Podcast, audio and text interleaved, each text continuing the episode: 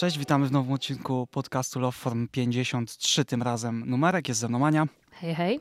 Kajetan. Hej, ja siemanko. Była Formuła 1, byli goście, było świętowanie, to wszystko było fajne, ale wreszcie wracamy do korzenia tego podcastu, od czego to się wszystko zaczęło i za czym tęskniłem najbardziej, czyli technologia. I bez zbędnego przedłużania myślę, że tu Kajetan, chyba że ktoś ma coś tak zupełnie na początek, ja tylko chcę powiedzieć, że się bardzo cieszę, dlatego że faktycznie tej technologii było mi trochę za mało ostatnio i wreszcie będzie okazja pogadać, mimo że będę trochę pilnował, żeby ten odcinek nie trwał zbyt długo. Ja trochę czuję, że jeszcze dzisiaj też będziemy rozmawiać o takich produktach, może które nie są taką największą nowinką technologiczną w sumie, bo będziemy recenzować jakieś takie troszkę e, bardziej już istniejące produkty. Powoli dopiero wchodzimy, wracamy do technologii. Tak, tak, sezon chyba wypuszczania nowych produktów, przynajmniej ze strony Apple, dopiero będzie ruszał jeszcze w tym roku.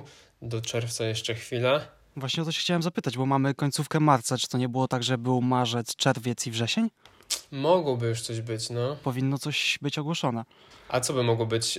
iPady? Czy, czy co wychodziło w marcu? Ostatnio słyszałam o tym, że MacBook nowy wyjdzie z M3 od razu. Nawet nie wsadzą do niego M2, więc może jakoś niedługo teraz to będzie. Aczkolwiek bym raczej się spodziewa na WWDC. To znaczy, wiecie, to nie jest tak, że nic nie wyszło przez ostatnie miesiące. Przecież dostaliśmy największą aktualizację do iPhone'a w historii aktualizacji do iPhone'a. Żółty iPhone. A wiecie, jak mnie kusi ten żółty iPh- iPhone? Bo generalnie naprawdę dla, ludzi, którzy, dla ludzi, którzy mnie znają, to wiedzą, że każdy iPhone, którego miałam kiedykolwiek, zawsze miałam w e, żółtym wariancie prędzej czy później, bo ja zawsze e, kupuję z Dibranda skina na żółtego, także dla mnie ten żółty kolor to jest faktycznie, e, to jest autentycznie taki bardzo mocny chwyt marketingowy, także na mnie podziałało stuprocentowo. No nie, bo jeszcze nie kupiłaś. 90%, bo nie, bo nie kupiłam. Wy w tym roku nie zmieniacie telefonów wstępnie. No ja mam jeszcze świeżutką recenzję dzisiejszą właśnie. Dla mnie, dla mnie półtororoczny telefon to też jest zbyt świeży, żeby zmieniać, także ja jeszcze myślę, że na tym będę długo siedzieć. Ja teoretycznie jestem w roku, w którym mógłbym się rozejrzeć, tym bardziej, że 15 to jest taka całkiem ładna liczba.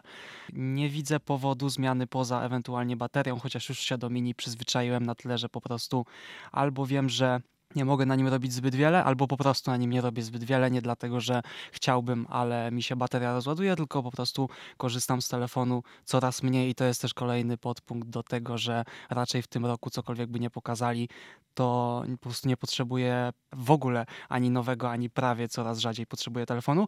Inaczej, gdyby okazało się, że gdzieś tam na WWDC powiedzieliby, że te okulary, które tam kiedyś zapowiedzieli, to Mm. faktycznie coś tam się dzieje. Wtedy bym się zainteresował po prostu jako nowy gadżet, ale, O, ale nie tak. zapowiedzieli chyba ich jeszcze. zapowiedzieliśmy i generalnie branża o nich rozmawiała w A, ten okej. sposób. No tak, tak, to na pewno. No dobrze, no to skoro jesteśmy już w Apple'owym świecie, to Kajetan. Tak, jeśli chodzi o Apple'owy świat z mojej strony, to w sumie zduplikuję trochę content, ale tak naprawdę chyba to jest dosyć popularna duplikacja contentu, bo dzisiaj chcę z, może nie zrecenzować, a bardziej wrócić do recenzji produktu, jakim jest iPhone 14 Pro, natomiast po pół roku używania go dzień w dzień, ponieważ kiedy pierwotna recenzja się ukazywała, ja wtedy bodajże go miałem w rękach swoich przez jakiś e, właśnie krótki czas, coś koło dwóch tygodni chyba, a tak, żeby karta SIM w nim była i żeby to był jedyny telefon, to w ogóle jeszcze krócej, bo też przez chwilę miałem jakby dwa telefony przez to, że na wyjeździe był kupiony. I to też sobie polecam, jeśli ktoś chce odsłuchać oryginalną recenzję. Była dosyć długa, ale też wnikliwa, więc jeśli ktoś chce jej posłuchać, to zapraszam serdecznie do kilka odcinków, wstecz się cofnąć i posłuchać tego. Natomiast dzisiaj chciałem trochę wrócić do tego, ale też jakby ktoś tego nie słuchał, to nadal myślę, że może być ciekawy e, ogląd najnowszego i w sumie, no może nie najwyższego modelu z iPhone'ów, no bo jeszcze jest iPhone 14 Pro Max. Max Pro Max, tak. E, natomiast to nie jest ten model, który mam. Ja mam 14 Pro 256 GB, od, używana od praktycznie, nie no, od faktycznie rzecz biorąc, tak było, od dnia lunchu używana, więc mogę pół roku później powiedzieć, co się zmieniło.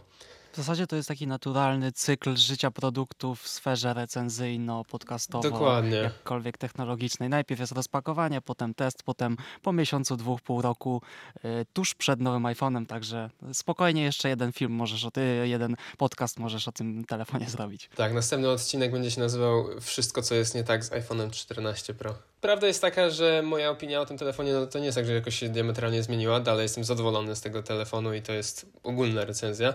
A jeśli chodzi o szczegółowe, to właśnie wypisałem sobie może takich kilka rzeczy, na które uznałem, że warto zwrócić uwagę, zarówno pod kątem tej pierwotnej recenzji, jak i po prostu tego telefonu będącym iPhone'em 14 Pro najnowszym i może coś ktoś chce wiedzieć, co się, jak to się użytkuje. Także zaczynając od chyba najgłówniejszej, jeśli jest takie słowo, najgłówniejszej cechy, najgłówniejszej funkcji tego telefonu, czyli e, Dynamic Island, ta funkcja, która została wprowadzona, funkcja właściwie, e, taki element dodatkowy, który został wprowadzony przy tym telefonie. No to tak, pamiętam i nawet no, słuchałem tej recenzji, swo- nie, nie recenzji, przepraszam, słuchałem nawet tego, jak zapowiadałem, że chcę kupić ten telefon i Dynamic Island wymieniałem jako jedną z y, dwóch głównych rzeczy, która była tym takim smaczkiem, dla którego chciałem się skusić na iPhone 14 Pro. Drugim była kamera, aparat. No i ten Dynamic Island e, pół roku później mogę o nim powiedzieć tyle, że jest fajny design, ładnie to wygląda, ale myślałem, że będę dużo więcej używał go. Ale używasz mało, czy w ogóle nawet ci się nie chce tej funkcji w tak, jak była sposób reklamowana używać, tylko po prostu robisz to, co zawsze? Czyli jak chcesz wejść na przykład w muzykę, to i tak klikasz w aplikację. Zdarza mi się klikać w wyspę i wtedy otwiera się mm, ta aplikacja i nawet czasem zdarza mi się przytrzymać na tej wyspie, żeby na przykład e, dać następną piosenkę, no bo to jest chyba jedyne, co można tam robić. Następna, poprzednia, start, stop, nie? Więc e, start, no to stop na słuchawkach całkiem dobrze działa. Następna w piosenka Chyba też ten start stop na podcasty też często stosuję, więc tak naprawdę tej wyspy właśnie używam tylko i wyłącznie, albo przynajmniej w 95% albo i 99% do aplikacji podcastów i Apple Music, bo to są te dwie natywne aplikacje zresztą, których używam do muzyki i podcastów. I tylko one tak naprawdę korzystają z tej wyspy, bo ja bym bardzo chętnie używał jakoś jej więcej i może chciałbym, żeby mi ułatwiła jeszcze więcej elementów użytkowania tego telefonu, ale nie jest za bardzo wykorzystywana przez inne aplikacje. Nie, żebym miał jakieś szczególnie ambitne pomysły, ale właśnie w dalszym ciągu jakoś to się mocno nie zmieniło. Dlatego mówię, to są te dwie aplikacje, które mi się wyświetlają na wyspie i tak naprawdę żadna inna. Nie, no mówię, nie, nie mam pomysłów, co mogłoby tam lepszego być w sumie. Wiem, że w aplikacji Apollo, czyli redditowej aplikacji, tam taki mały stworek, jakiś zwierzaczek żyje sobie na tej wyspie, taki pół to było kiedyś, takie, takie coś mieliśmy w takie zabawki. Nie, pół to była aplikacja, a wcześniej jeszcze były te takie zabawki, Tamagotchi, o, Tamagotchi to było to. To to jest taki mały zwierzaczek i też nie można z nim grać i coś. No ale to jest tak, mm, to nie jest jakaś funkcja, która ułatwia cokolwiek, bardziej traktuję to jako funkcja estetyczna, że jak jestem w tej aplikacji, to gdzieś tam sobie chodzi ten mały robal, ale czasem myślę, że mam po prostu brudny telefon, więc wcale nie polecam aż tak mocno tej funkcji.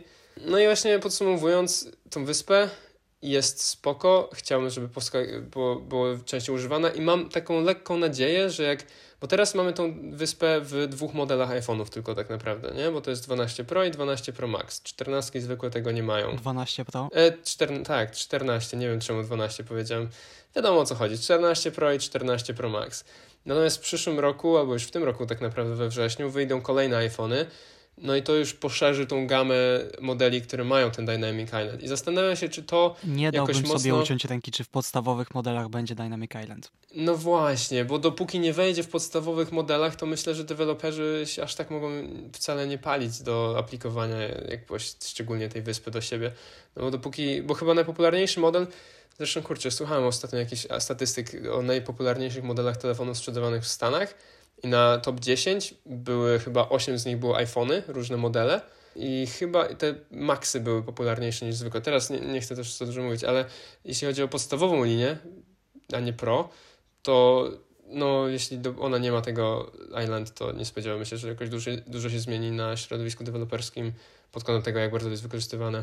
Ja jedyne, co mogę powiedzieć tak ogólnie, patrząc na rynek przez ostatni, no nawet nie rok, bo mówimy o telefonie, który, który wyszedł jak zwykle we wrześniu, ale patrząc na to, co się mówiło w momencie wychodzenia, czyli premiery, czyli tego, że one kosztują niesamowicie duże pieniądze, i że mało kto będzie sobie w stanie pozwolić, to po kilku miesiącach, szczerze mówiąc, mam wrażenie, że w takich większych miastach co drugi iPhone, którego widzę, to jest 14 i to w wersji Pro. Ale masz na myśli w, w, sklepach, czy w sprzedaży, czy w rękach ludzi? nie, w, w, w, obiegu po prostu okay. u ludzi. Że albo widzę jakąś taką klasyczną dwunastkę, czy może trzynastkę, bo to czasem ciężko rozróżnić, ale Może mocno... nie odróżniasz też czternastki zwykłej w sumie. Nie, no mówię w wersji Pro, czyli ja po prostu widzę Dynamic Island, o tym mówię. No. Że rzuca mi się w oczy to, że albo ktoś ma iPhone'a dwu, trzyletniego, albo faktycznie Pro i te Pro to jest 50% na oko tego, co widzę. Więc to jest dość duża część rynku, nawet w Polsce, przy bardzo drogim telefonie. Ciekawe. No w Holandii generalnie to bardzo dużo ludzi ma czternastki. U mnie nawet w samym biurze e, są chyba trzy, w tym jedna max, także nie wiem, czy ludzie biorą te telefony w jakichś planach, e, czy biorą je na raty, Wypożyczenia długoterminowe.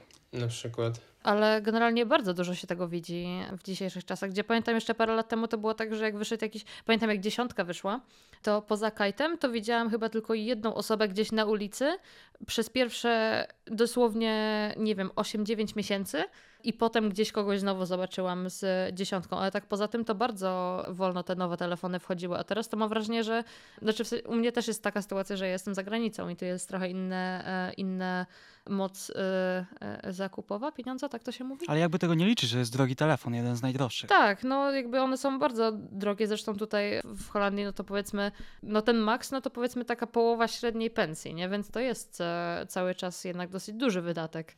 No, u nas to są co, no to jest cała pensja Więcej. średnia, jak nie No, więcej. chyba nawet u więcej, co? sumie, co? Przecież max to ile? 7 tysięcy kosztuje? Także to jest dużo, to jest strasznie drogie, no jakby nie patrzeć. Dla mnie generalnie, jak tak sobie myślę o tym Dynamic Island, tak, ja mam małe ręce.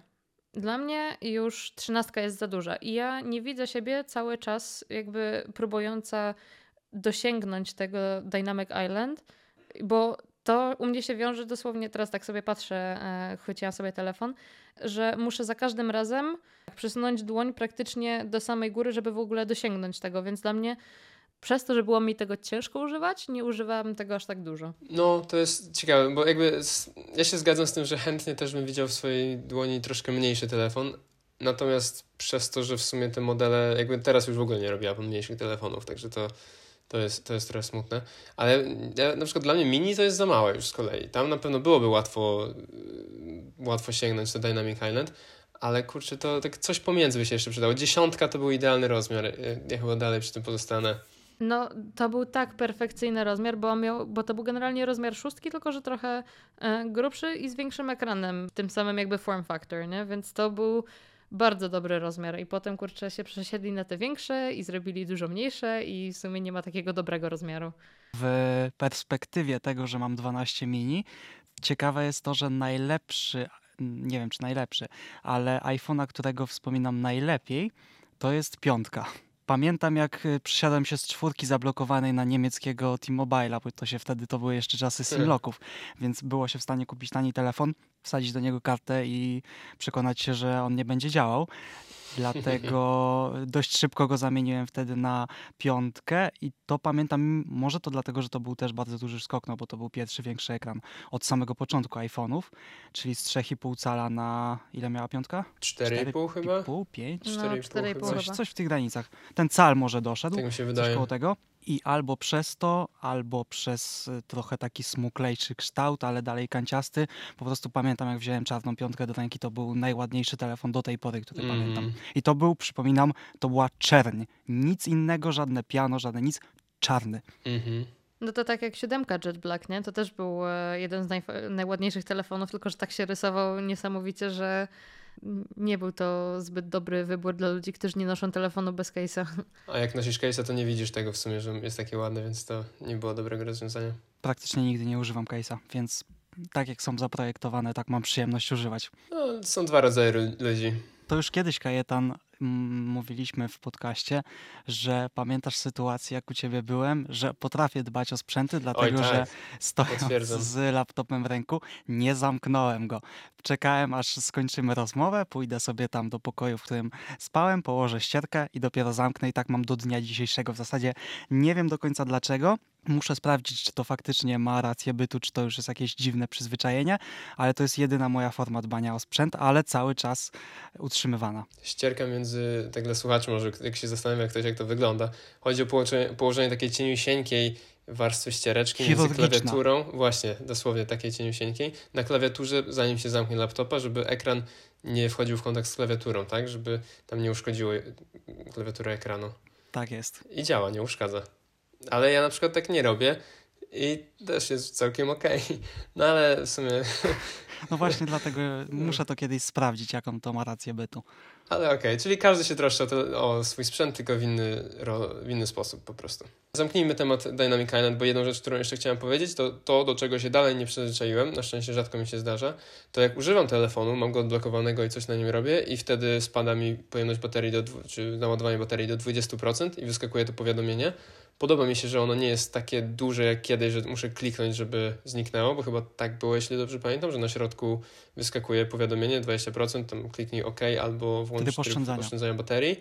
Tak, a w 14 Pro, gdzie jest Dynamic Island, to to się pojawia właśnie w Dynamic Island to powiadomienie, że ta wysepka się rozszerza, no i tam po jednej stronie jest bateria, z drugiej strony jest, nie wiem, battery low czy coś takiego. Natomiast mi się to podoba estetycznie, ale często ledwo zauważam albo nie zauważam, bo po prostu to nie jest część ekranu, w którą się najczęściej aż tak patrzy, więc jak tam coś się nagle pojawia, to ja po prostu tego nie zauważam aż tak mocno.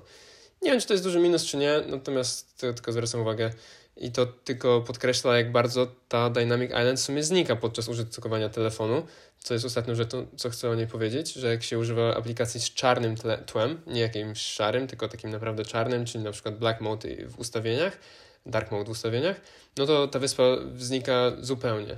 Tak naprawdę zupełnie, zupełnie. Nawet jak się na nią patrzy, to nie widać, bo te UI jest tak zaprojektowane, że nie wchodzi żaden element na nią, że nagle coś się ucina, tylko wokół niej jest ładnie czarno i po prostu jej zupełnie nie ma. A wydaje mi się, że w noczu to było troszkę bardziej widoczne mimo wszystko, bo teraz naprawdę wygląda to po prostu jak ekran, który no, świeci się albo się nie świeci właściwie na czarno. I tyle o wyspie. Już wystarczy o tej wyspie. Myślałem, że będzie mniej. No ale okej, okay, to była główna część telefonu, mm, powiedzmy. Także warto było o tym powiedzieć. Może wracając na sekundę do tego fragmentu o, o dbaniu o sprzęt, czy też niedbanie. E, zdarzyło mi się, że spadł mi ten telefon, jak byłem na jednym z wyjazdów i spadł mi na chodnik. Ja miałem, te, jakby, ja miałem case'a i na, naklejone szkło hartowane z przodu. Szkło z przodu się zbiło i się tam lekko ukruszyło. Natomiast na szczęście pod spodem, pod szkłem nic się nie stało. Było mi smutno, bo byłem zadowolony z tego, jak to szkło było dobre. No, było dobre, aż się spotkało z asfaltem czy z cegłą. To, co chciałem powiedzieć, że dalej polecam to szkło, którym jest ta szybka taka belkinowa, sprzedawana w Apple Store'ach czy na stronie Apple. Jest dosyć droga, ale zrobiła robotę i dalej wygląda fajnie nie przyciąga odcisków palców dalej po pół roku. I drugi element tej ochrony telefonu, o którym chcę powiedzieć, to jest to, że ja przez te pół roku korzystam ze skórzanego etui od Apple'owego również, brązowego. I muszę powiedzieć o nim, jakby to już nie jest moje pierwsze skórzane etui, więc wiem trochę jak to, z czym to się je i bardzo mi się to podoba, bo na przykład jak zdarzyło mi się uszczerbić jakby lekko to etui, Właśnie nie, nie pamiętam, czy paznokcie. Wydaje mi się, że nie, to było trochę za duże na paznokcie, ale taki kształt trochę jakby miało po paznokciu i tak jakby kawałeczek taki naderwany, taki półokrągły kawałeczek naderwany i parę tygodni później to tak naprawdę zniknęło dla oka, bo dzięki temu, że to tu jest jakieś takie skórzane, no nie chcę powiedzieć, że ona się samo jakoś leczy, bo to się nie leczy, tylko jakoś tak po prostu się wciera z powrotem w etui. Mhm. Tak, ładnie znika niweluje się i właśnie wiadomo, że jak tam się człowiek przyjrzy, to widzi taką jakby bliznę. Dosłownie to mi się kojarzy z blizną na skórze po prostu. Zresztą w sensie to jest skóra i to jest prawie blizna. Kojarzy mi się to z blizną na skórze człowieczej, a tutaj mówimy o coś, czym, co, coś, czymś, co przypomina bliznę na etui skórzanym. I to jest tylko tyle, żeby powiedzieć, że podoba mi się to i podoba mi się też to, jak się zużywa to etui, bo wkładając do spodni, wyciągając, no to skóra ma to do siebie, że się tak, ona się wyciera i ma taki, no ciemnieje, tak naprawdę do czarnego schodzi. Mi się to podoba, bo pokazuje, że telefon jest używany, a nie zabawka świeci, świecąca, siedząca na półce, tylko faktycznie jest to narzędzie trochę też i mi to nie przeszkadza, natomiast wiem, że na pewno niektórym to by się mogło nie podobać, także uprzedzam, minęło pół roku, etui wygląda jakby dużo dłużej niż pół roku było używane pewnie, szczególnie na krawędziach. Y, ja mam pytanie, chyba że masz jeszcze kolejne kategorie, ale chciałem Cię po prostu zapytać, czy wciąż nie używasz zupełnie Always On? Fantastyczne pytanie i to jest jedna z tych rzeczy, które chcę opowiedzieć. Bo tak, na początku nie używałem w ogóle Always On, bo nie podobało mi się to, że się tapeta cały czas była wyświetlana, tylko ciemniejsza. Potem pojawił się update, że można było tą tapetę wyłączyć i mieć tylko czarne tło i właśnie godzinę i tam powiadomienia.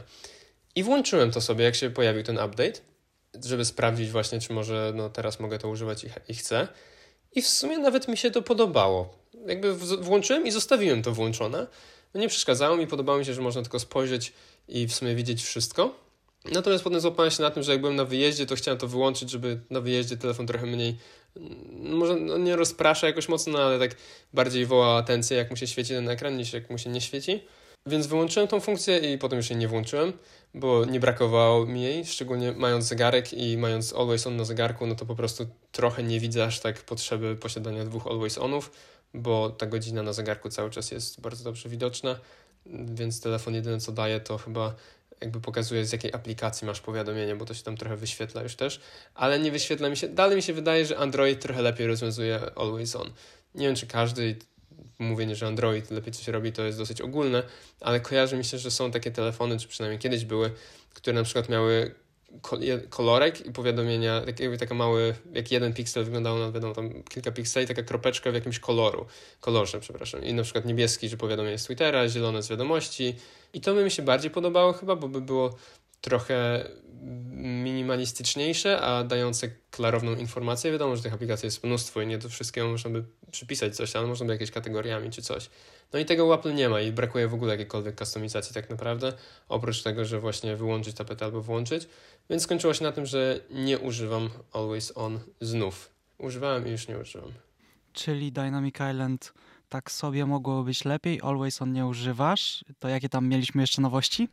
co, chcesz powiedzieć, że nic dobrego nie ma ten telefon? Zaraz do tego dojdziemy właśnie co dalej. Jedno rzecz, co jeszcze powiem, tak jak e, Piotrek e, w oryginalnej recenzji powiedziałeś, że słyszałeś, że jak się ma Always On włączony i wyjdziesz się z zegarkiem e, na ręku z pokoju, to się Always On wyłącza.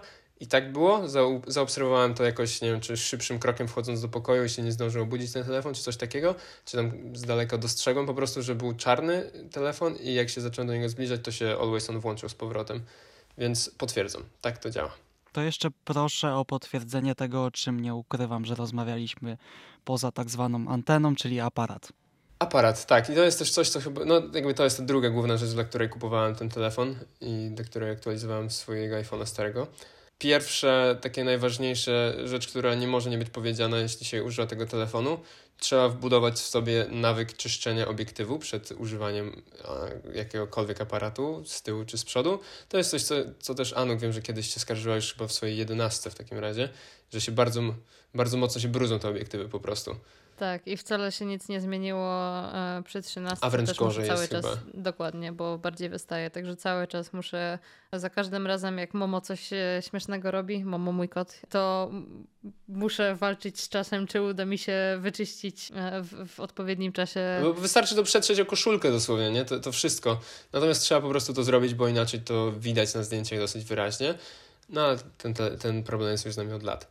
To, co z kolei jest nowością w tym telefonie, czy po prostu w iPhone'ach, to jest obiektyw 3 w 14 Pro modelu, a nie Pro Max, bo chyba w 13 Pro był 2,5 po prostu obiektyw, prawda? W 13 Pro nie, jest normalnie 3. W 12 Pro y, był 2, a w 12 Pro Max był 2,5. Okej, okay, no to mo, mo, może, okay, to może masz rację, źle mówię, ale i tak 3 obiektyw X3 czy 3X jest w tym iPhone'ie i muszę przyznać, że dobrze się go bardzo używa. Mm, jakby nie, nie ograniczam się, że a, z tego nie korzystam, bo jest gorszej jakości. Nie, jest bardzo dobrej jakości, można z niego w pełni korzystać i do zdjęć, i do filmów, i nawet dobrze stabilizuje, bo to jest jakby no najtrudniejsze w sumie do wystabilizowania focal length, bo jest najdłuższe, natomiast dobrze sobie z tym radzi, nawet bez action moda, a jak się korzysta z action moda, no to w ogóle się nie ma czym przejmować, natomiast wtedy jest jeszcze dodatkowy crop, dodatkowe zbliżenie, więc no wtedy jest duże przybliżenie dosyć. Mm, także trójeczkę polecam. Jeśli chodzi o obiektyw 0,5, czyli ten szerokokątny, ultra szerokokątny, to pamiętam, że w recenzji mówiłem, że jest niesamowicie lepiej. Teraz chcę powiedzieć, że jest tak, jest lepiej, ale nie jest niesamowicie lepiej. Dalej, jak się używa 0,5 w ciemnych warunkach, to widać znaczącą różnicę między 0,5 a 1, co może nie jest jakimś zaskoczeniem, bo to 0,5 po prostu tak działa i tak działa od lat no ale jest to coś, na co zwrócić uwagę warto, że czasem jak się człowiek w ciemniejszych warunkach zastanawia, którym z nich zrobić e, zdjęcie, to w takich ciemnych może być nadal warto wybrać jedynkę, nawet jeśli T05 oferuje coś ciekawszego pod kątem kreatywniejszym, bo po prostu te zdjęcia wychodzą potem bardzo miękkie. No, brakuje jednak tej ostrości w ciemnych warunkach. Inna rzecz, którą jeszcze chcę wspomnieć, to jest coś, co Piotrek pytałeś podczas recenzji oryginalnej, Czyli czy dalej w aparatach pojawia się ten problem z flickerowaniem na białych subjectach? I to w zasadzie sam musiałbym sobie odpowiedzieć, bo po, po, po prostu widziałem tak, materiał. zachęcam cię do tego. Wysłałem dzisiaj filmiki przykładowe i powiedz, jakie twoje wrażenia? Pierwsze dwa nagrania nie dały mi zbyt wiele, dlatego że po pierwsze były dość krótkie, a to chodziło o to, że i to w trzecim właśnie pokazałeś, czyli na najpierw ustawienie y, fokusu na słońce albo odwrotnie, w każdym razie, żeby w jednym na jednym nagraniu było przejście od jasnego punktu, którym jest słońce, do podłoża, którym w tym przypadku jest śnieg, ale to nie tylko ze śniegiem były te problemy moim zdaniem. Jest lepiej. Nie wiem, czy dalej ludzie, którzy tego słuchają, mogą wiedzieć, o co chodzi. Przy oglądaniu recenzji, na przykład y, damy link Unbox Therapy robił, czy MKBHD, któryś z nich wziął te wszystkie telefony i nagrywał właśnie po prostu spacer po lesie na śniegu i w iPhone'ach było bardzo widoczne takie flickerowanie, czy jakkolwiek to można inaczej nazwać, przy przejściu właśnie z nieba na śnieg. Tutaj widzę to w dość mniejszym zakresie, ale dalej jest, więc do, do zera z tym nie zeszli, ale jest lepiej, bo pamiętam i jestem w stanie sobie wyobrazić, jakby to nagranie wyglądało na starszym iPhone'ie byłoby dużo gorzej, bo to by skakało, czy nawet jak ja pamiętam teraz w tę zimę, jak coś nagrywałem dwunastką mini, czyli też słabszą wersją, ale jednak to było to, były te skoki bardzo widoczne. Tutaj mm, byłbym w stanie nawet na to przymknąć oko w momencie, gdybym nie wiedział, że coś takiego istnieje, to no, w tym trzecim nagraniu właśnie, nie wiem, czy damy jakiś link czy coś, to akurat jakoś yy, jest tak, że bardzo mocno to walnęło w pewnym momencie. Czasem to jest tak, że jest to mniej widoczne, więc tutaj to w ogóle wyłapałeś taki moment bardzo agresywny. Czasem jest to po prostu takie delikatne strzelenie i tak jak tutaj raz ci uderzyło mocniej, a później jeszcze tylko coś tam doświetliło, to to małe doświetlenie bym był w stanie przymknąć na to oko, no to duże uderzenie światła to w ogóle była jakaś tragedia, ale to wydaje mi się, że to pojedynczy przypadek, chociaż możesz jeszcze sprawdzić, ale wydaje mi się, że po prostu jest lepiej, jeszcze nie idealnie. No właśnie, ja aż tak dużo nie miałem okazji nagrywać śniegu w tym roku, ale tak jak e, mi się przypomniało, jak się przygotowałem do tego, to, to poszedłem na dwór i, i faktycznie nawet nie zauważyłem tego nagrywając, mimo że patrzyłem chyba w telefon, ale jak ci wysyłałem i obejrzałem ten film, no to strasznie się zdziwiłem, bo to no, kuje w oczy. Myślę, że wrzucimy link faktycznie do tego nagrania również e, gdzieś tam w opisie filmiku. I kończąc temat aparatu. Mm, kajet... A, kończąc aparatu, czy bo ile to już mamy odcinka? no wiem, przepraszam, już e, ostatnie rapid fire kilku rzeczy. W recenzji bardzo chwaliłem lampę i myślę, że dalej sobie dobrze radzi, natomiast osobiście zauważyłem, że przez te pół roku nie miałem po prostu dużo możliwości wykorzystania jej i czasem jest taki trochę problem żeby ją striggerować, żeby włączyć, bo dosyć iPhone dosyć mocno zachęca cię do używania trybu nocnego, żeby dłuższy czas ekspozycji. I nie wiem, czy to ja sobie nie byłem w stanie poradzić, czy jakoś to trochę inaczej teraz działa, ale tak, żeby striggerować, żeby użył lampę zamiast tego dłuższego czasu ekspozycji, no to trzeba się tam naklikać troszeczkę. Natomiast myślę, że robi dobre zdjęcia, po prostu ja przez te pół roku chyba nigdy nie robiłem więcej zdjęć z lampą, oprócz tego, co wtedy w recenzji było omawiane. I druga rzecz, której również mało używałem przez te pół roku, to 48 megapikseli. Może używałem, jak używałem oczywiście tego obiektywu, który potem to binował do 12 megapikseli, ale jeśli chodzi o wykorzystanie pełnego pełnej rozdzielczości, która oferuje 1x tego telefonu, no to no nie korzystałem z tego. Głównie przez to, że jest to dosyć zaawansowany, znaczy dosyć skomplikowany może być proces, że trzeba włączyć ten Pro RAW tryb i wtedy się robią zdjęcia w 48 megapikseli, które mają po 80 megabajtów i z nimi można dopiero kolorować je, czy eksportować tak jak są i zapisywać te zdjęcia jako JPEGi ale dalej 48 megapikselowej, wtedy mają tam po 3-4 megabajty, co już jest ok. Dwie rzeczy. Po pierwsze, sam tryb 48 megapikseli bez rawów, to chętnie bym korzystał, ale po drugie, i tak brakowało mi tych 48 megapikseli na innych, na innych obiektywach niż jedynce, bo czasem sobie myślałem, że no po prostu coś lepiej wygląda w, na 2, no, przepraszam, na 3x na przykład, ale nie byłem w stanie zrobić tego w 48 megapikselach, bo tam po prostu ten obiektyw tego nie ma. On ma dalej matrycę 12 megapikseli. Ale myślę, że to, coś, co, to jest coś, co może z czasem się zmienić, jak po prostu Apple będzie kolejne obiektywy upgrade'owało. I dalszy, może bardziej jeszcze rapid, ten Fire, e, który chciałem rozpocząć. Jeśli chodzi o 120 Hz, wyświetlacz, super sprawa nie chciałbym wracać do mniejszego, do 60 Hz, bo jest tak wygodnie, tak szybko, to, tak płynnie to wszystko działa. Jestem ciekaw, czy za parę lat, jak telefon może niby trochę zwolni, jak to będzie się wtedy czuło, ale teraz jest super i jak używam innego telefonu, to czuję. Jak jest 60 Hz, to czegoś tam brakuje wtedy. Także polecam 120 Hz. problem, który miałem w oryginalnej recenzji, że automatyczna jasność mi się jakoś tak bugowała, że zapamiętywała swoje poprzednie ustawienie i nagle w ciemnym pokoju, jak pierwszy raz ruszałem telefon, to był bardzo jasny ekran, bo wcześniej był ustawiony przy światłach. To to się naprawiło i już nie ma tego problemu, także spoko. No i mogę powiedzieć, że bateria w tym telefonie jest bardzo dobra. Nie jestem w stanie go tak normalnie zabić w jeden dzień. Używam tam jakoś 6 godzin, przepraszam, 3 godziny dziennie screen time i 6 godzin dziennie muzyki w tle na głośnikach przez Bluetootha i nie zabija to baterii, więc jest spoko. Jedyne kiedy rozładowuję telefon do końca to jest e, podczas wyjazdów jakieś właśnie dni, kiedy się używa dużo aparatu, ale wtedy powerbank załatwia temat w zupełności. No, sieci komórkowe. No tak, to też, to też. Także, no głównie ten aparat pewnie mm, tą baterię rozładowuje. Także, podsumowując całą recenzję, ja jestem z telefonu dalej bardzo zadowolony, ale pewnie nie jest warty swojej ceny, ale to jest in, odpowiedź na inne pytanie. Czy ja jestem zadowolony? Tak. Czy kupiłbym jeszcze raz? Tak. Czy mogę polecić? Tak, ale tylko niektórym. Nie wiem, czy gramy w jakiś papier, nożyce, kamień, czy coś. Ja ostatnio się wy... wprawiłem w dość sprawnych recenzjach, więc... To chcesz teraz szybki zrobić? Mogę zrobić dość szybki, dlatego że to też nie jest produkt, o którym by nie mogło, o którym mogłoby się mówić jakoś niesamowicie dużo, dlatego że mówimy o czymś, co zapowiadałem ze dwa odcinki temu, E, chociaż nie wiem, ile to mogło być odcinków temu, dlatego że właśnie były te różne przeloty ze świętowaniem i gośćmi, z którymi pewnie na ten temat nie dyskutowaliśmy. Także moim produktem roku, który zapowiadałem i który być może się nim okaże, ale jeszcze tego nie wiem, jest projektor Samsunga o nazwie Samsung Lifestyle. Nie wiem, czy w ogóle kojarzycie.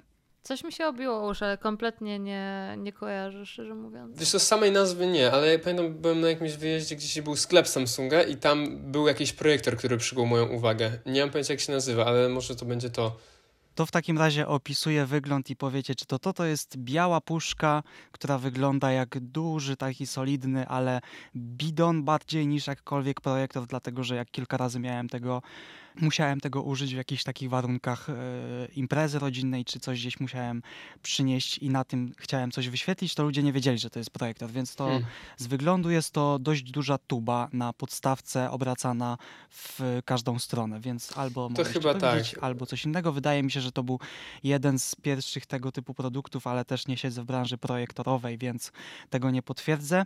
Nie wiem, czy ja tego nie widziałam recenzji u, u Jerry Everything, albo to był jakiś inny projektor tego typu. Wydaje mi się, że to był właśnie jeden z ale, znaczy to był ten po prostu dlatego, że ja też w momencie, kiedy zacząłem zastanawiać się nad zakupem, nad chęcią sprawdzenia projektora, to pisałem sobie tego typu urządzenia, bo chciałem coś możliwie małego i okazało się, że w momencie, kiedy to wtedy szukałem, to wyszedł jakieś trzy miesiące wcześniej, więc wyszedł idealnie w momencie, kiedy ja czegoś takiego potrzebowałem i innych rzeczy o tej wielkości poza jakimiś tam AliExpressowymi słabymi prawdopodobnie, bo nie testowałem urządzeniami, to to mi wpadło w ręce. I od czego by tu zacząć? To na pewno nie od ceny, dlatego że oczywiście kupiłem to w totalnie niezbliżonej do tej podanej na metce, ale warte zaznaczenia jest to, że mówimy o tak mniej więcej więcej 55 calach w takim standardowym modelu telewizora. Nie jest to klasa cenowa manty, ale też nie są to jakieś OLEDy, więc żebyśmy wiedzieli w, jakiej, wiedzieli w jakiej sferze się obracamy, to jest taki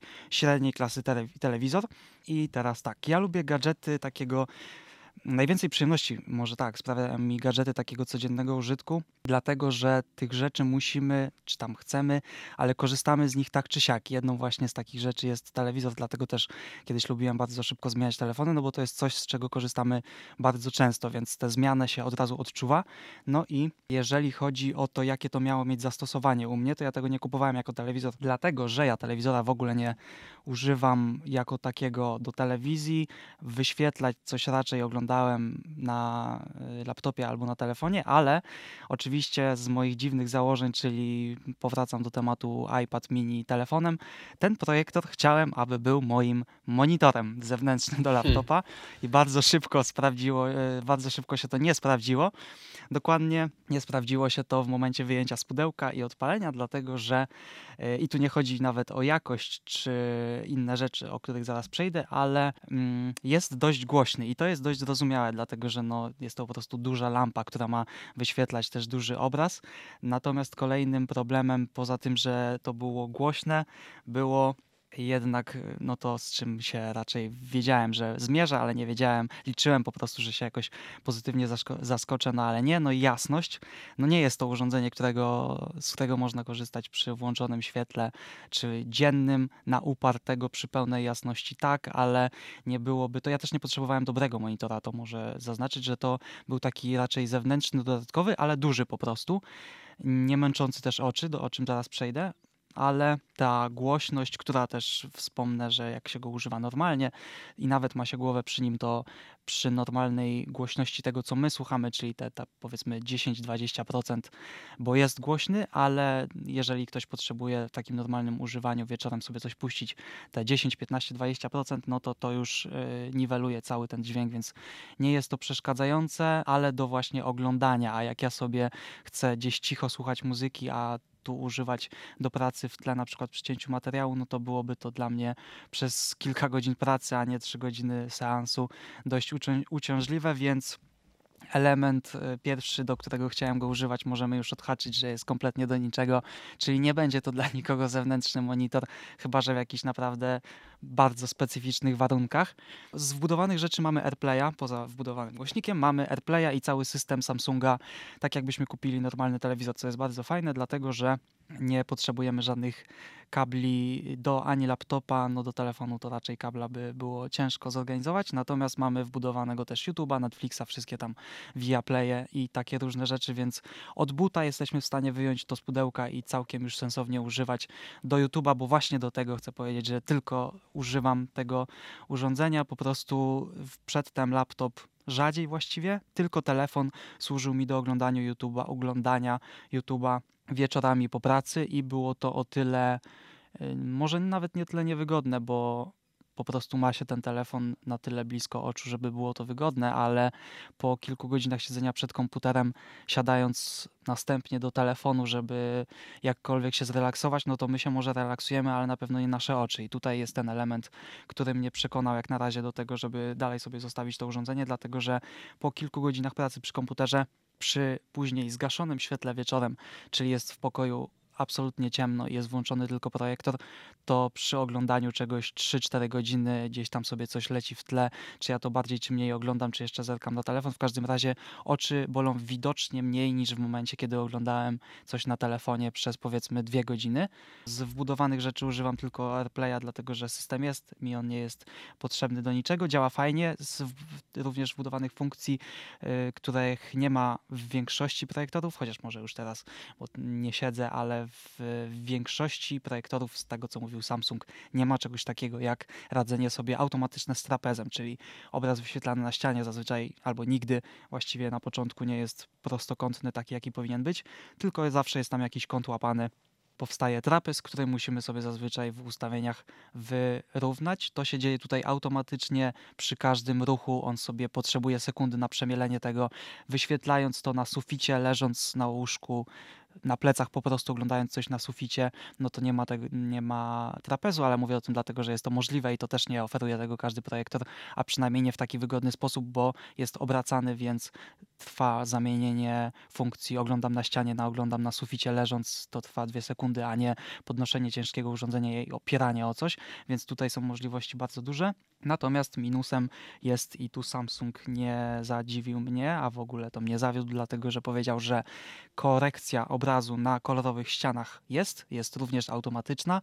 Czy by była automatyczna, czy nie, to jest yy, małe piwo, natomiast jej nie ma w ogóle. Coś mi tam przemiela, niby te obrazy są trochę lepsze niż na białej ścianie w porównaniu z białym sufitem, przechylając na yy, kolorową ścianę niby widać delikatną różnicę, ale jest ona zupełnie bezsensowna i nie działa w stopniu no żadnym. No, mam lekko niebieską ścianę w pokoju. Miałem, dlatego że to już zdradzam. Przemalowałem ścianę po prostu dlatego. Żeby móc projekt, projektować?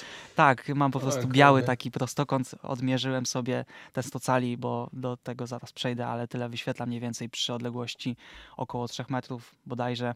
Natomiast przemalowałem całą ścianę, żeby tego jakkolwiek wow. się dało używać, więc kolorowe ściany po prostu są e, nieużywalne. Moim zdaniem chyba, że nam nie przeszkadza. No, jakościowo jest ok, a dlaczego tak przeskoczę, to mówię dlatego, że jakością ja nie chciałem być powalony. To miało być coś po prostu do oglądania YouTube'a. YouTube nie jest w 4K w większości rzeczy, których ja oglądam, więc to miało być coś, co po prostu leci, jestem w stanie zerknąć i widzę. Dlatego jakościowo nie musiałem mieć tego idealnie, no ale jednak oglądanie zielonych twarzy czy niebieskich nie jest e, zbyt przyjemne. Dlatego ściana musiała być przemalowana. Jakość jest ok. Nawet do tego, że jak puszczam sobie jakieś tam testowe promocyjne materiały na YouTubie, które są w bardzo dobrej jakości, to przemielane przez ten projektor. Nie jest ta jakość idealna, dlatego że tutaj mamy Full HD w 100 calach, więc nie jest to wybitne. Podejrzewam, że mogli zrobić od razu lepszą jakość, ale po, po, pierwsze byłoby to droższe, a po drugie trzeba sobie zostawić miejsce na Freestyle 2 za rok, dwa, tak zakładam, więc y, ja, ja na jakość nie narzekam, bo też jej jakoś wybitnie nie potrzebowałem. Do tej jakości trzeba się po pierwsze przyzwyczaić, ale też po drugie po prostu ją sobie wypracować, tak jak mówię, bo nie na każdej powierzchni, bo testowałem, zanim jeszcze myślałem, że przemaluję ścianę na biało, to powiesiłem po prostu prześcieradło i nie spełniło to roli. Było lepiej oczywiście. Na pewno pomogłoby, pomogłaby taka sztaluga filmowa czy projektorowa. One nie są drogie, bo nawet otarłem się o to, że koło stówy kosztowała, więc razem z w ogóle podstawką, więc to nie było jakoś duży wydatek. Nie był, ale też nie miałem w pokoju za bardzo jak tego ustawić, więc po prostu biała ściana sprawdziła się i farba była też tańsza, także tak czy siak rozwiązałem to w prostszy sposób. Ok, to jeszcze tylko takie funkcje techniczne, tylko sobie zajrzę szybko na stronę, bo miałem to tu odpalone i już mówię o tych stucalach, jak to wygląda, bo o tym też mam ciekawostkę, bo oczywiście jak to ja musiałem wymyślić coś, co to w miarę sprawnie obejdzie.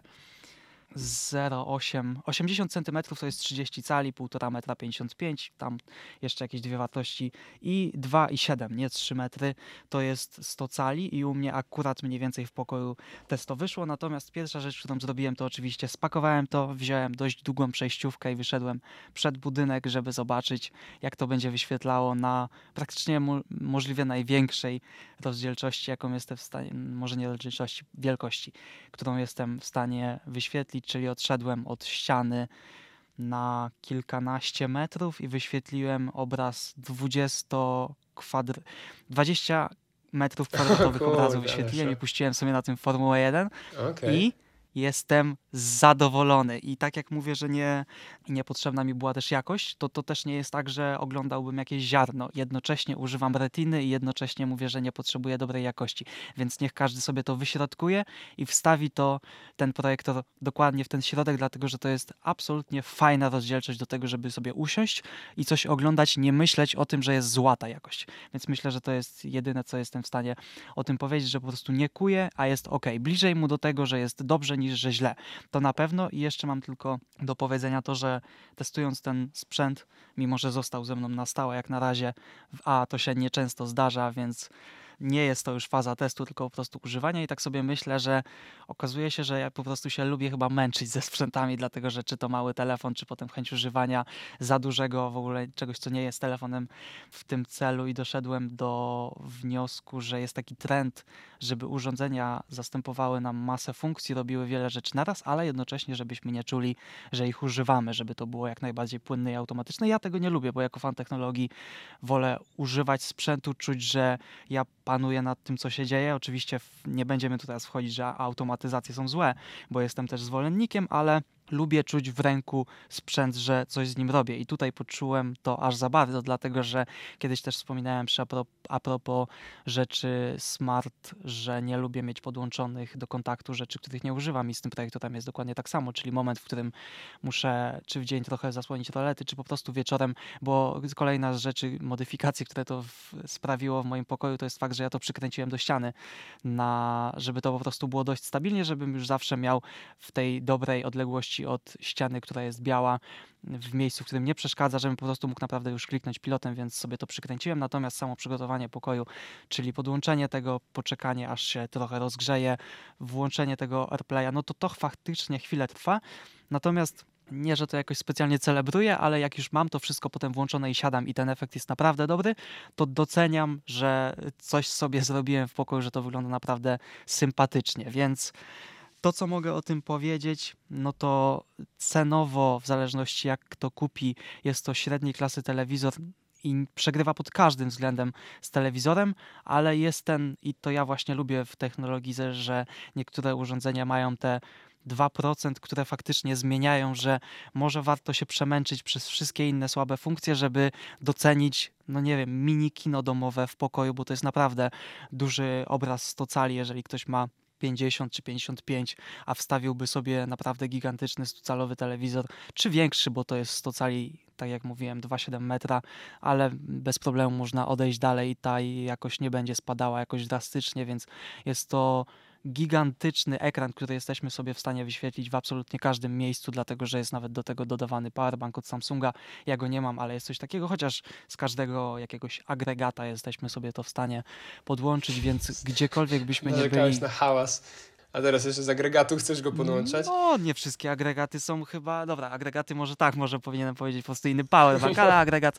No, dobra, powiedzmy, w każdym razie gdzieś w lesie sobie odpalić, czy jechać na wakacje i nie wiadomo, czy tam w hotelach są, albo z, czasem się spotkałem, że są zablokowane, ale po prostu są słabej jakości, czy jak gdzieś jedziemy po prostu na dłużej, a chcemy coś czasem obejrzeć, no to to jest rewelacyjna opcja, bo nie zajmuje dużo miejsca. Mimo wszystko jest to po prostu projektor, coś, co podłączamy do kontaktu i rzuca dość duży obraz na ścianę, ale jestem pod dużym wrażeniem tego. Chyba najlepsza rzecz Samsunga, którą zrobił ever.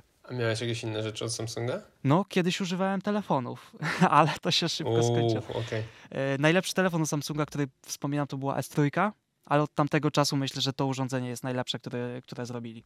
Wszedłem sobie właśnie w międzyczasie na stronę Samsunga z tym produktem i powiem Ci, że wygląda bardzo fajnie.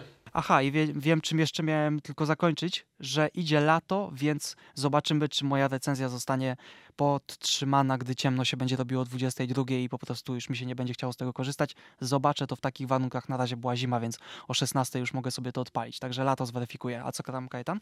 No, to jest ciekawe faktycznie, jak ta jasność będzie na to wpływała, bo mówi, że dosyć ograniczona jest jasność samego projektora, tak? Że to może mieć problem, jak jest niezbyt ciemno w pokoju. No, zawsze mogło być trochę jaśniej. Nie jest tragicznie, ale no, nawet przy świetle dziennym to, to jest na tyle, że po prostu coś tam dopatrzysz. To jest maks. Okej. Okay.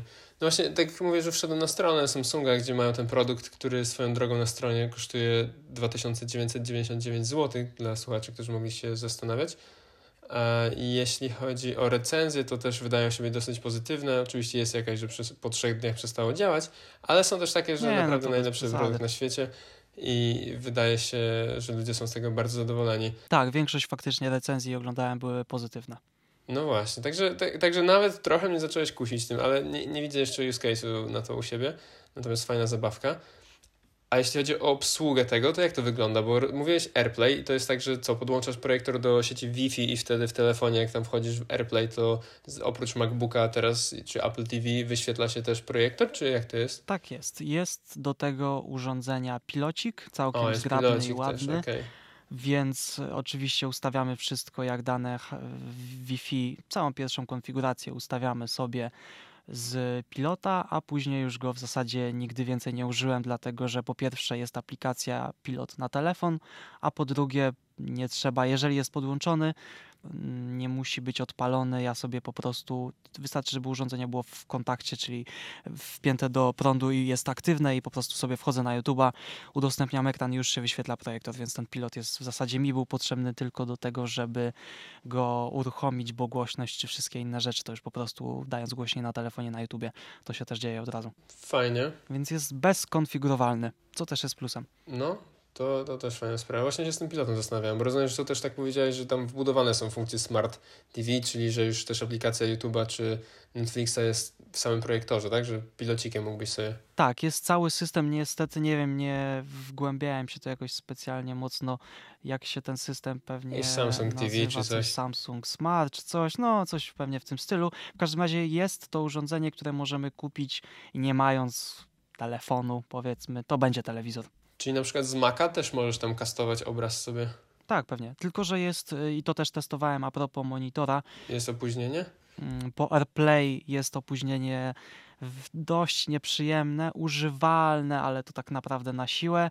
Po kablu HDMI jest absolutnie używalne, to jak ze zwykłym monitorem. Więc kabel dużo daje, jest mniej wygodne i dlatego też kolejna rzecz, dlaczego nie jest to monitorem, ale mm, AirPlay, znaczy tak, praca na komputerze byłaby albo niekomfortowa, albo niemożliwa dla niektórych.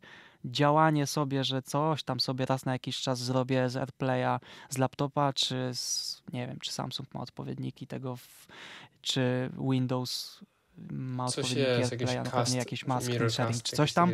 W każdym razie, no, no coś takiego. Więc do jakichś takich bardzo luźnych rzeczy to się nada bezkablowo, ale na pewno nie do pracy, a na pewno nie do jakiejś precyzyjnej pracy. Okej, to mnie satysfakcjonuje ta, ta recenzja, podoba mi się ten produkt faktycznie. Jakbym miał use case, to Trochę kusi, szczerze mówiąc. Jeżeli ktoś jest No taki właśnie. mocno wyjazdowy, to e, w sumie fajna opcja mieć coś takiego małego. No ale to przygotowanie pokoju faktycznie jest wymagane. No płaskie, nie musi być idealnie płaska, bo oczywiście ten obraz będzie w miarę ok, nawet na jakichś tam lekkich zagłębieniach, czy na półce, jak odpalałem kawałek, to nie jest to problem. No ta kolor korekcja mnie bardzo zawiodła, znaczy na półce takiej w miarę płaskiej, jakieś tam. E, Mm. jak to się nazywa, co, za co się łapie i się otwiera klamka, czy tam jak to się w szafkach nazywa. W każdym razie takie coś nie przeszkadza, ale ta kolor korekcja jestem zawiedziony na maksa. Nawet y, w opcji ręcznej, bo, bo automatycznie coś tam sobie robi. Ja wchodziłem w ręczną, zabierałem ten niebieski, dodawałem czegoś tam innego. Nie doszedłem do poziomu, w którym byłbym zadowolony. No dobra, to fa- fajny produkcik. Nie spodziewałem się tej, takiej recenzji u nas, ale, ale bardzo mi się podobała. Niespodziewana e, pozytywna reakcja Samsunga. Na jeden produkt.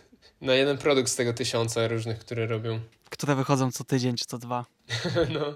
Ej, przepraszam bardzo, ja mam, miałam pralkę Samsunga, którą bardzo sobie chwaliłam. Zresztą ty, Kajto, masz tą samą pralkę, tak mi się wydaje. W następnym odcinku będzie recenzja lo- lodówki Samsunga. Tak, y, przerobimy po prostu całe AGD, tam kajetanania, ja, lodówka, pralka i nie wiem, żelazko. no. To, ale to następnym razem. Dzisiaj została nam jeszcze jedna recenzja, ale to nie będzie nic takiego sprzętu AGD chyba, prawda Ania? Nie, jest to recenzja gimbala do telefonu. Jest to coś, co w sumie chciałam sobie od bardzo dawnego, e, od, od, od bardzo dawnego, od bardzo dawna kupić, e, czego nadal sobie nie kupiłam, tylko kupiliśmy to w naszej firmie, ze względu na to, że stwierdziliśmy, że fajnie by było mieć e, takie proste recapy z jakichś eventów.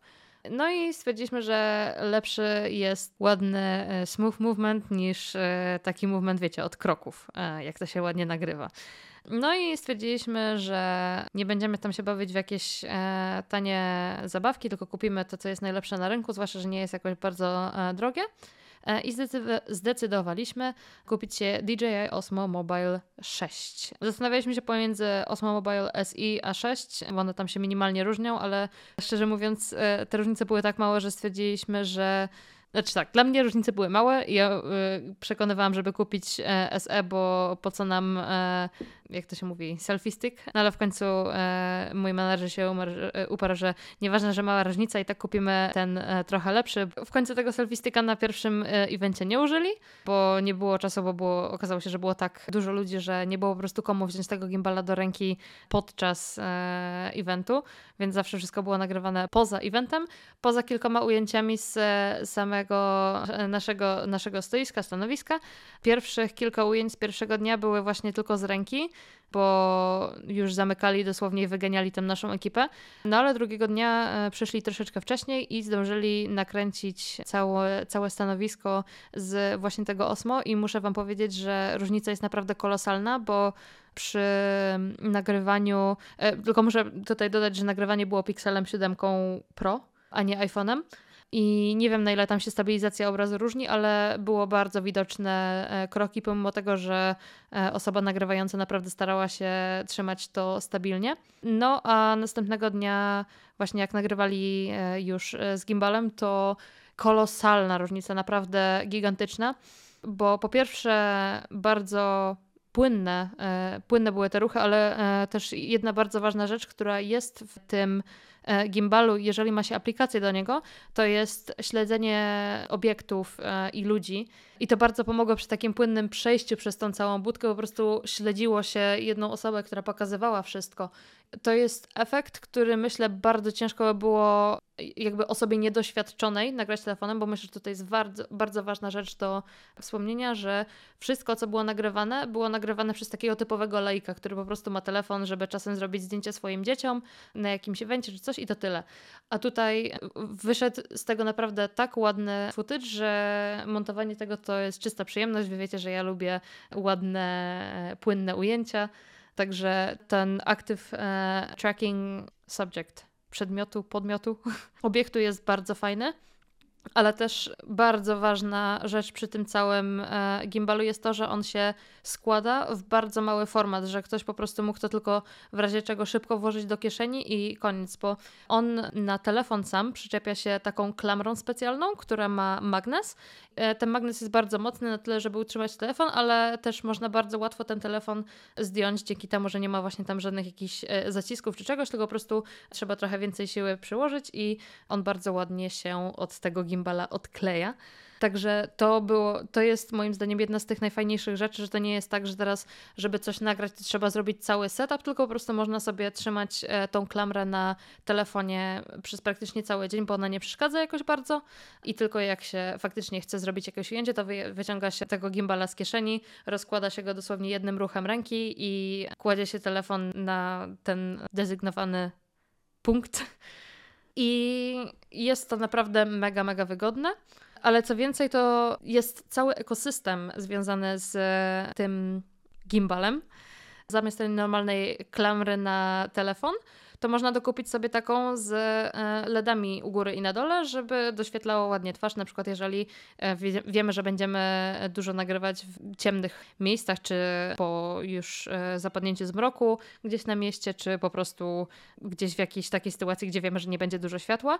I mają też mikrofony do tego wszystkiego jest fajny tripod, który można sobie do tego przykręcić i po prostu zostawić w miejscu. Także jest naprawdę dużo opcji, a też jeżeli ma się aplikację, bo nie trzeba mieć aplikacji, żeby e, używać nagrywania, bo można sterować całkiem dużą ilością funkcji tylko za pomocą przycisków e, po, po podłączeniu się przez Bluetootha.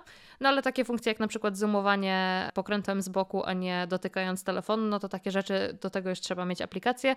Aplikacja nie niszczy jakości i też od razu ładnie HDR-a przekonwertowuje w normalne MP4, które nie jest jakiś, z, z jakimiś dziwnymi kolorami, także naprawdę dużo ta aplikacja robi też za nas. No i właśnie jeżeli chcemy takie funkcje jak to śledzenie obiektu i te, E, jakby tego tym podobne, bo jest tam tych funkcji całkiem sporo, no to do tego właśnie aplikacja jest niezbędna. Ale jeżeli ktoś po prostu chce tylko coś szybko pyk nagrać, to naprawdę można tylko wrzucić telefon, włączyć kamerę, nagrywanie i lecieć. Jeśli chodzi o gimbale, mi się zawsze tak nie wiem czemu wydawało, ale to może jakieś albo wstępne pierwsze modele, albo jakaś zła koncepcja tego w mojej głowie się działa, że jakby ta stabilizacja obrazu, która jest powodowana dzięki, no właściwie optyczna, dzięki gimbalowi, się trochę może kłócić ze stabilizacją wbudowaną w telefon, czy to optyczną, czy to tą drugą, software'ową. Ale rozumiem, że jakby tutaj nie ma żadnego, żadnego zgrzytu. Jakby nie widać, że jeden telefon próbuje w jedną stronę wystabilizować, a w tym samym czasie gimbal też próbuje jakoś coś tam zrobić i z tego wychodzi w sumie yy, brzydki obraz. To, to nie jest tak, że trzeba... Bo jakby takie coś mi się kojarzyło i myślałem, że dlatego ta aplikacja DJI-owa jest po to, żeby wyłączyć powiedzmy tą wewnętrzną stabilizację w telefonie, ale rozumiem, że to, to nie. To teraz nie, nie ma. Wszystko koegzystuje. A jeśli chodzi o to, co powiedzieliśmy wcześniej jeszcze, że ta aparat, ten aparat, który może być aparatem MacBooka, mi się to w pewnym momencie uruchomiło samo i byłem bardzo zdziwiony, bo ja korzystam na przykład w pracy ze Slacka i tam na Slacku często jest ta funkcja huddle, taka wideo rozmowa i w pewnym momencie patrzę, że włączam się w huddle i moja kamerka się nie odpala, jest czarne tło i myślę, kurde, coś jest nie tak ze Slackiem, jakaś aktualizacja. Kombinuję, kombinuję i doszedłem w końcu do tego, że Huddle z automatu, jakby właściwie Slack dostał aktualizację jakąś, że wspiera teraz tą funkcję, nie wiem jak to się nazywa, z tą kamerą właśnie, że może być na telefonie. Jakoś to się na pewno Apple to nazwało, jak to zawsze nazywa, ale że to teraz wspiera i to, że było czarne, to to nie to, że moja kamera jakby nie, nie była włączona czy coś, tylko mój telefon leżał na czarnej macie i jakby on już od razu pokazywał obraz z telefonu, który był po prostu, no kamera była przełożona do czarnego tła i to chodziło o to, że jak tylko podniosłem telefon, to patrzę i na Slacku jakby mam obraz z telefonu, który no nie jest żadnym kabelkiem ani niczym podłączonym do e, laptopa. I to był całkiem fajny efekt. Jakby bardzo fajnie to się trzymało w ręku i widzisz jak to dosłownie no, w prawdziwym w tym real time jakby się pokazuje na laptopie. I było w jakości no, iPhone'owej 14 Pro, także bardzo dobrej. Wyglądało to naprawdę ładnie, przynajmniej na moim podglądzie, bo nie wiem, jak to wysłane przez internet wygląda u odbiorcy w sumie. To jest coś, co będzie można kiedyś sprawdzić, jak ktoś inny to jeszcze będzie miał, albo z Piotrkiem może kiedyś sprawdzimy nawzajem sobie.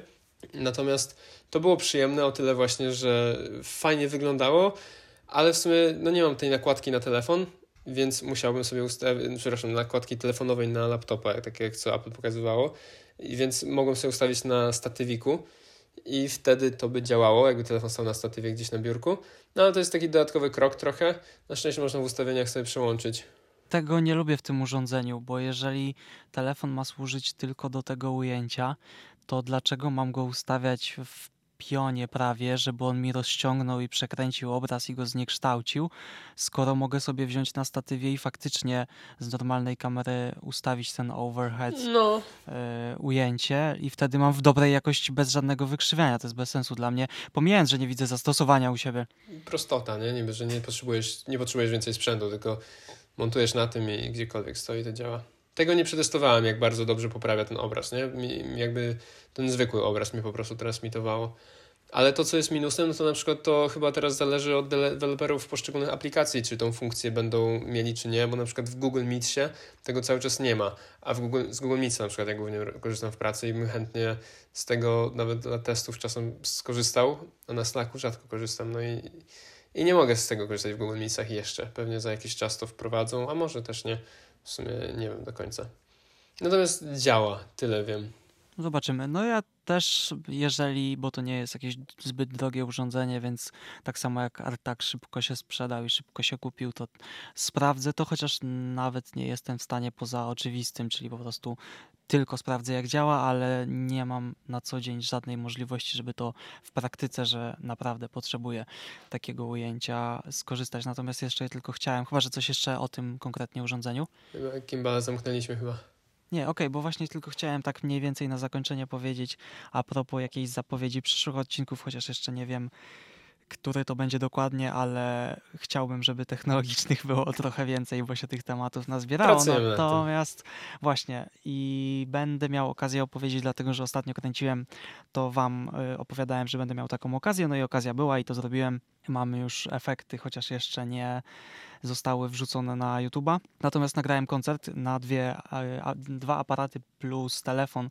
W backupie z telefonu nie skorzystałem, bo oczywiście y, postawiłem go i mi pan gitarzysta go zasłonił zupełnie. No tak. Nie było po co tego używać, ale no to mój błąd. To był pierwszy koncert, który nagrywałem, więc i tak jestem zadowolony, że cokolwiek wyszło z tych y, kart pamięci jest to używalne, ale będę miał okazję właśnie opowiedzieć jak Peter McKinnon uratował mi życie na dwie godziny przed koncertem. Tylko tyle powiem.